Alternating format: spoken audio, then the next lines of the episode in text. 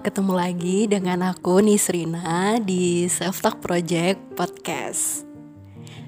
Seperti judul yang sudah teman-teman baca dan mungkin sekilas sudah lihat deskripsinya, hari ini kita bakal ngomongin tentang isu lingkungan. Secara spesifik sih kita mau ngomongin tentang gaya hidup ya, yang ya kurang lebih sebenarnya nggak setahun terakhir juga, tapi udah agak lama.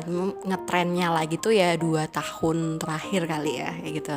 Tentang uh, zero waste, less waste lifestyle Nah kali ini tuh kebetulan aku punya temen uh, teman kuliah zaman S1 yang masih di Jogja jadi bisa aku todong untuk ditanyain. Dan kebetulan concern juga di isu lingkungan uh, yang paling sering sih sebenarnya kalau aku lihat dari postingan Instagramnya itu sih tentang less waste tentang gimana sih mengelola sampah dan lain-lain gitu langsung aja ya. Uh, aku manggilnya sih Rara tapi seperti biasa di self talk pakai nyaka. Oh gitu. iya. Halo Kak Rara. Halo. Pendengarnya ada namanya nih iya deketan ah udah. Gimana? Apa kabar? Baik alhamdulillah. Oke, jadi kan seperti yang tadi aku udah ngomong kan, uh, kamu kan concern juga di bagi di apa ya isu less waste zero waste kayak gitu. Jadi sebenarnya zero waste itu konsep apa sih?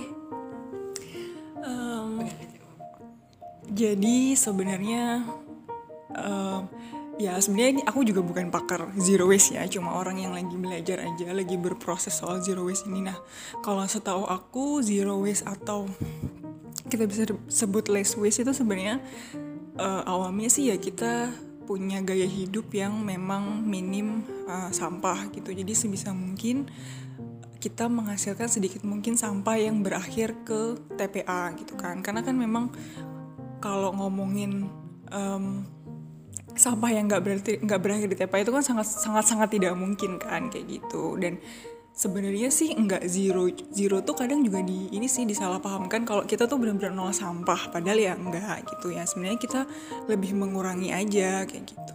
Ya benar sih ya kayak hmm, bagaimanapun kita mencegah tuh tapi dengan apa ya dunia yang masih belum cukup apa aware terhadap isu itu juga tidak bisa menghindari tetap ada sampah. Jadi mungkin istilahnya less waste gitu ya Oke, terus Kak Rara ini sejak kapan sih memutuskan buat uh, menjalani kayak hidup di Swiss?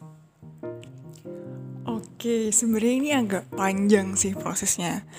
Uh, kalau misalnya dari kesadaran aku mengurangi plastik itu sebenarnya dari SMA sebenarnya. Jadi sebenarnya yang kayak uh, mungkin tadi sempat Nisrina bilang ya itu kan Kak Nisrina.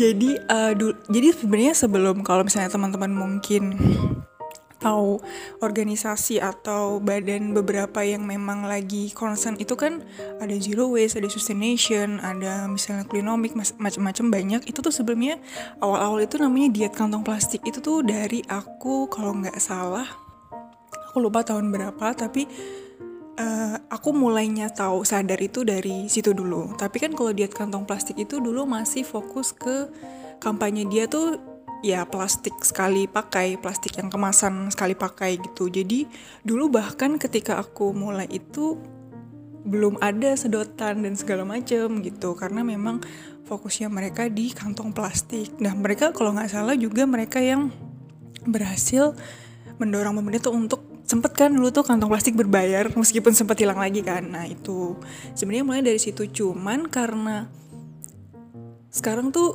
belum seperti sekarang orang-orang belum banyak yang melakukan. Itu ya hal yang gak aku lakukan setiap hari cuma ya kalau inget aja gitu. Dan SMA kan mungkin konsumsinya belum kayak sekarang yang memang setiap hari ya dari kebanyakan memang aku dengan sadar aku beli sendiri. Kalau masih SMA kan ya beberapa aja kan beberapa kan masih disupport orang tua kayak gitu. Um, nah kuliah juga apalagi kuliah waktu itu kan udah ya kadang kalau inget pakai yang sering aku lakukan itu ini. Dulu kan inget gak sih kita di kantin? Sekarang masih sih. Uh, kalau beli snack gorengan gitu kan ada yang pakai piring ada yang pakai plastik. Nah itu biasanya kalau ada piring aku pakai piring. Nah baru-baru kayak gitu doang. Nah baru mulai fokus um, mempelajari sebenarnya tuh gaya hidup yang seperti apa sih kayak gitu. Dan kenapa itu tuh baru sekitar mungkin tiga tahun dua tiga tahun belakangan ini sih luar biasa. Udah lama loh menurutku. Dua tiga tahun. Kalau kalau aku sendiri sih awarenya tuh bisa dibilang baru setahun belum ada setahun beberapa bulan. Dan baru ini rajin bawa apa wadah-wadah kosong buat pergi-pergi kayak gitu. Nah uh, dari perjalanan 2-3 tahun itu apa sih yang Kak Rara apa ya maknai uh, dari yaitu belajar untuk aware terhadap berarti konsumsi sendiri dan terhadap ini gimana sih uh, bertanggung jawab terhadap sampah sendiri itu apa sih yang bisa dimaknai? Oke, kalau pemaknaannya sih gimana ya? Sebenarnya proses ini kan ya emang kalau kita mengubah gaya hidup kan nggak dalam satu hari jadi atau sebulan jadi itu kan pasti lama dan mungkin butuh bertahun-tahun kan dan apalagi kita itu tidak um, secara tidak ada sistem di baik keluarga ataupun di Indonesia sendiri bahwa um, sampah sesimpel sampah itu harus dipilah misalnya. Kalau misalnya um, misalnya ini kayak mungkin di sana pernah nonton drama Korea gitu-gitu. Aku sering nonton tuh di sela-sela ya memang kehidupan mereka sudah memilah sampah. Jadi di sela-sela kehidupan sehari-hari yang mereka tampil tuh mereka milah sampah gitu loh. Misalnya kan yang dari kaca, terus plastik dan segala macam gitu kan kita tuh belum ada. Jadi uh, aku akui kalau ada yang bilang um, zero waste itu sulit, eh tidak sulit, tapi aku akui itu cukup sulit karena ya sekeliling kita nggak melakukan itu gitu kan di saat misalnya aku di kantor pengennya sih kalau bisa makan di luar terus gitu kan. Maksudnya nggak go food atau grab food yang itu kan pasti akan apa menimbulkan uh, sampah kan kemasan. Tapi kan ya nggak bisa gitu ya. Mungkin kalau lagi banyak kerjaan dan mereka nggak mau ya masa aku mau pergi sendiri kayak gitu kan? Jadi kan mau nggak mau ya ya itu sih. Jadi ya pemaknainya sih proses ya. Jadi ya lebih banyak menikmati proses sih kayak gitu. Dan yang aku pelajari adalah ketika kita membeli sesuatu itu udah bukan lagi berpikir untuk kita sih. Kan kadang kita sesimpel aku mau beli minuman nih. Ya udah itu hanya untuk me melegakan hausku. Tapi sekarang aku juga memikirkan dampak kemasannya nanti gimana ya gitu. Dampak yang aku minum ini seperti apa itu atau mungkin kalau misalnya perempuan nih misalnya skincare kosmetik kayak gitu kan. Uh, iya itu sekarang tuh sudah secara eh, nggak uh, sadar tuh itu jadi bahan pertimbangan ketika membeli. Meskipun nggak nggak nggak nggak dalam sehari dua hari gitu. Dulu pun ketika aku awal belajar itu aku selalu sama orang-orang yang selalu bawa sampahnya sendiri. Kayak dulu tuh ada aku pernah um, melihat di salah satu um, influencer juga yang dia memang concern di bidang uh, lingkungan itu dia uh, bahkan bikin tips-tips kalau traveling. Traveling itu kan pasti nyampah banget kan. Nah itu salah satunya adalah misalnya kalau di pesawat dapat snack ya kalau misalnya nggak lapar nggak usah dimakan. Terus kalau misalnya lapar banget ya udah dimakan sampai dibawa pulang. Itu aku emes banget gila ya udah travel susah bawa bawa sampah ternyata ternyata aku melakukan itu. Jadi kalau di kantor aku habis nge food dan sampahnya itu bisa aku bawa pulang aku bawa pulang ke rumah. Jadi uh, jadi ya ya emang proses sih gitu kan. Jadi di, dulu yang kayak mustahil ya kayak melakukan ini. Tapi sekarang karena sayang gitu loh. Karena mikir aduh kalau aku buang uh, ya kalau nanti akan di recycle lagi gitu kan. Tapi kalau enggak ya akhirnya dibawa pulang. Meskipun nggak semuanya kayak gitu sih. Ya itu sih yang paling dan apa ya mungkin lebih mencoba mengerti orang sih. Karena ada beberapa temen yang gini kan kadang kayak misalnya aku nih aku kan belum merasakan dampak sampah. Aku nggak tinggal di deket TPA aku juga nggak maksudnya bukan di lingkungan yang misalnya ke merasakan perubahan iklim. Misalnya aku nggak kebanjiran paling ya panas saja atau hujan ekstrim.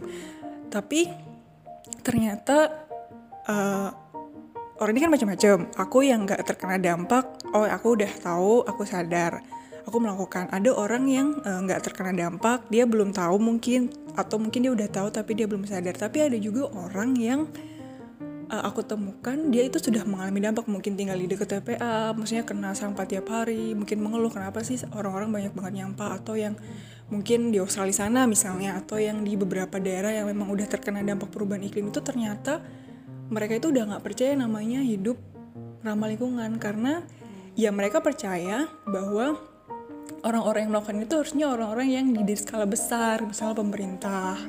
Kalau pemerintah masih mengizinkan eh, hal-hal uh, yang memang merusak lingkungan ya perubahan yang dilakukan individu itu nggak nggak berguna ya. Ya aku juga berusaha memahami mereka gitu kan ya. Maksudnya kita nggak boleh ngejudge orang kan. Jadi ya makanya kalau aku nge-share itu meskipun kadang aku marah ya kalau misalnya ada yang bilang kan ada tuh yang uh, melawan gerakan perubahan lingkungan tapi dengan alasan tertentu. Tapi kalau misalnya orang yang benar-benar nggak mau melakukannya atau belum merasa ya aku nggak pernah mendorong atau ngajak orang karena ya mereka semua punya alasannya masing-masing kayak gitu sih. Jadi emang berusaha mengerti. Nggak ternyata tuh orang yang terkena dampak tuh belum tentu langsung iya karena memang ya mungkin mereka udah desperate juga kali ya kayak gitu. Iya udah juga bener sih yang aku tangkap itu menikmati proses tuh sabar gitu ya. Dan emang emang pelan-pelan sih bener juga. Uh, kayak pengalamanku sendiri juga awalnya kok bisa sih orang telaten bawa wadah gitu kan? Eh ternyata aku bisa loh bawa wadah sendiri dengan ya itu mikirin duh nanti gimana sampahnya? Tapi mungkin belum sampai ke tahap bawa pulang wadah sendiri apa sampah sendiri belum belum belum sampai di situ. Nah kalau dari Karara ada nggak sih tips buat teman-teman yang mungkin mau mencoba mm, untuk lebih sadar dengan sampah untuk menjalani hidup yang less waste itu? Ada tips saran gitu nggak Oke, okay. ini agak susah sih karena tiap orang beda-beda ya. Cuman mungkin aku ya sama sih ketika kita melakukan sesuatu tuh kalau motifnya belum kuat, alasan reason why gitu, kayaknya mungkin karena dulu pun ya kayak aku cerita di SMA aku udah tahu oh ada orang nih diet kantong plastik Iya, tapi aku nggak menemukan kenapa aku harus ikut itu gitu. Aku cuma taunya ya plastik itu nggak baik untuk lingkungan, tapi nggak tahu seberapa dampak buruknya atau seperti apa. Jadinya ya ya putus gitu. Atau misalnya ada lagi tapi putus. Ya menurut aku sih karena alasan sih kenapa sih? Uh, apakah cuman apakah teman-teman cuma mau ya udah ikut-ikutan aja gitu atau emang bener-bener aware dan awarenya tuh juga pasti ada alasannya sih menurut aku tiap orang kayak mungkin ada yang kalau aku sih sebenarnya alasannya sih um, karena makhluk hidup lain sih gitu. Maksudnya um, ya kita mungkin punya berbagai macam cara dengan teknologi untuk mengantisipasi itu. Meskipun pada kenyataannya juga susah juga ya kayak gitu kan. Cuman kan untuk beberapa makhluk hidup lain mungkin yang merasakan uh, sampah itu misalnya ya ikan-ikan atau misalnya beberapa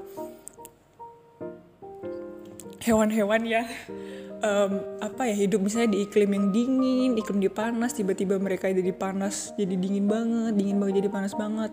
Itu kan sebenarnya ya salah kita juga gitu loh. Dan kalau dan aku juga emang orangnya itu nggak tegaan.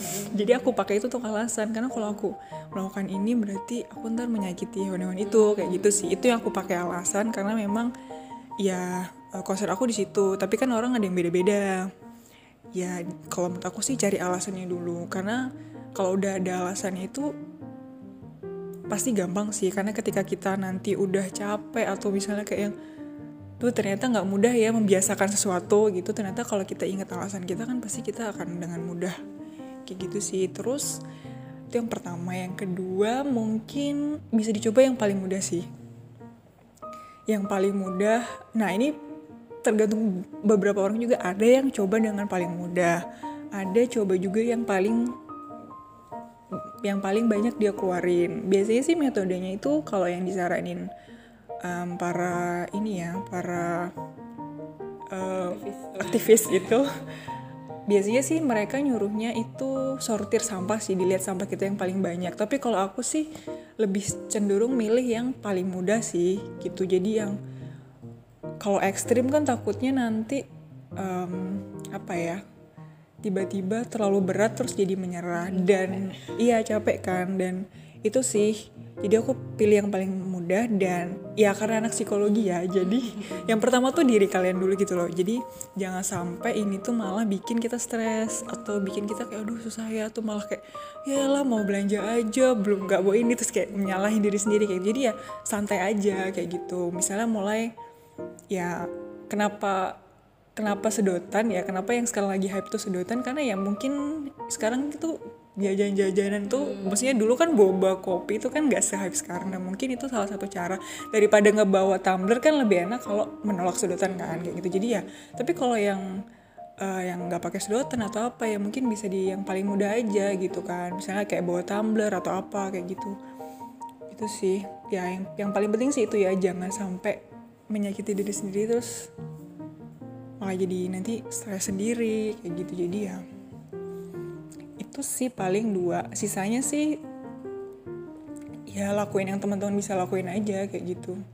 Dia bener sih itu bener mulai dari diri sendiri. Karena kalau aku pribadi waktu itu pengalaman pernah di dekat kosanku tuh sampah tuh berminggu-minggu tuh nggak ada yang ngambil saking sempet TPA ditutup tuh loh. Oh iya iya, iya. gitu itu kan sampai saking penuhnya katanya TPA di Jogja tuh sempat ada ditutup.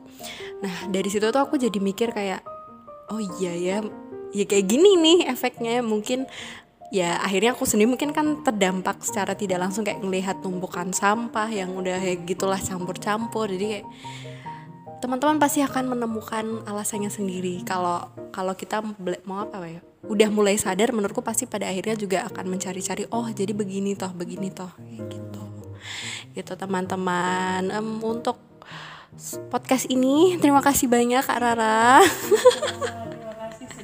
Iya. di siang hari ini ya. Dan apa ya podcast ini mungkin ditutup dengan uh, kutipan dari Kak Tiza Mafira. Ini aku nonton ke kemarin acaranya Narasi TV waktu itu Kak Tiza Mafira ini adalah direct Director of Diet Diet Kantong Plastik and Climate Policy, Policy Inisiatif Bumi Punya Siapa. Menurut uh, kata-kata Kak Tiza ini bilangnya kalau bukan kita yang menjaga bumi maksudnya ya maka nggak akan ada lagi. Kayak gitu teman-teman. Sampai ketemu ya di episode selanjutnya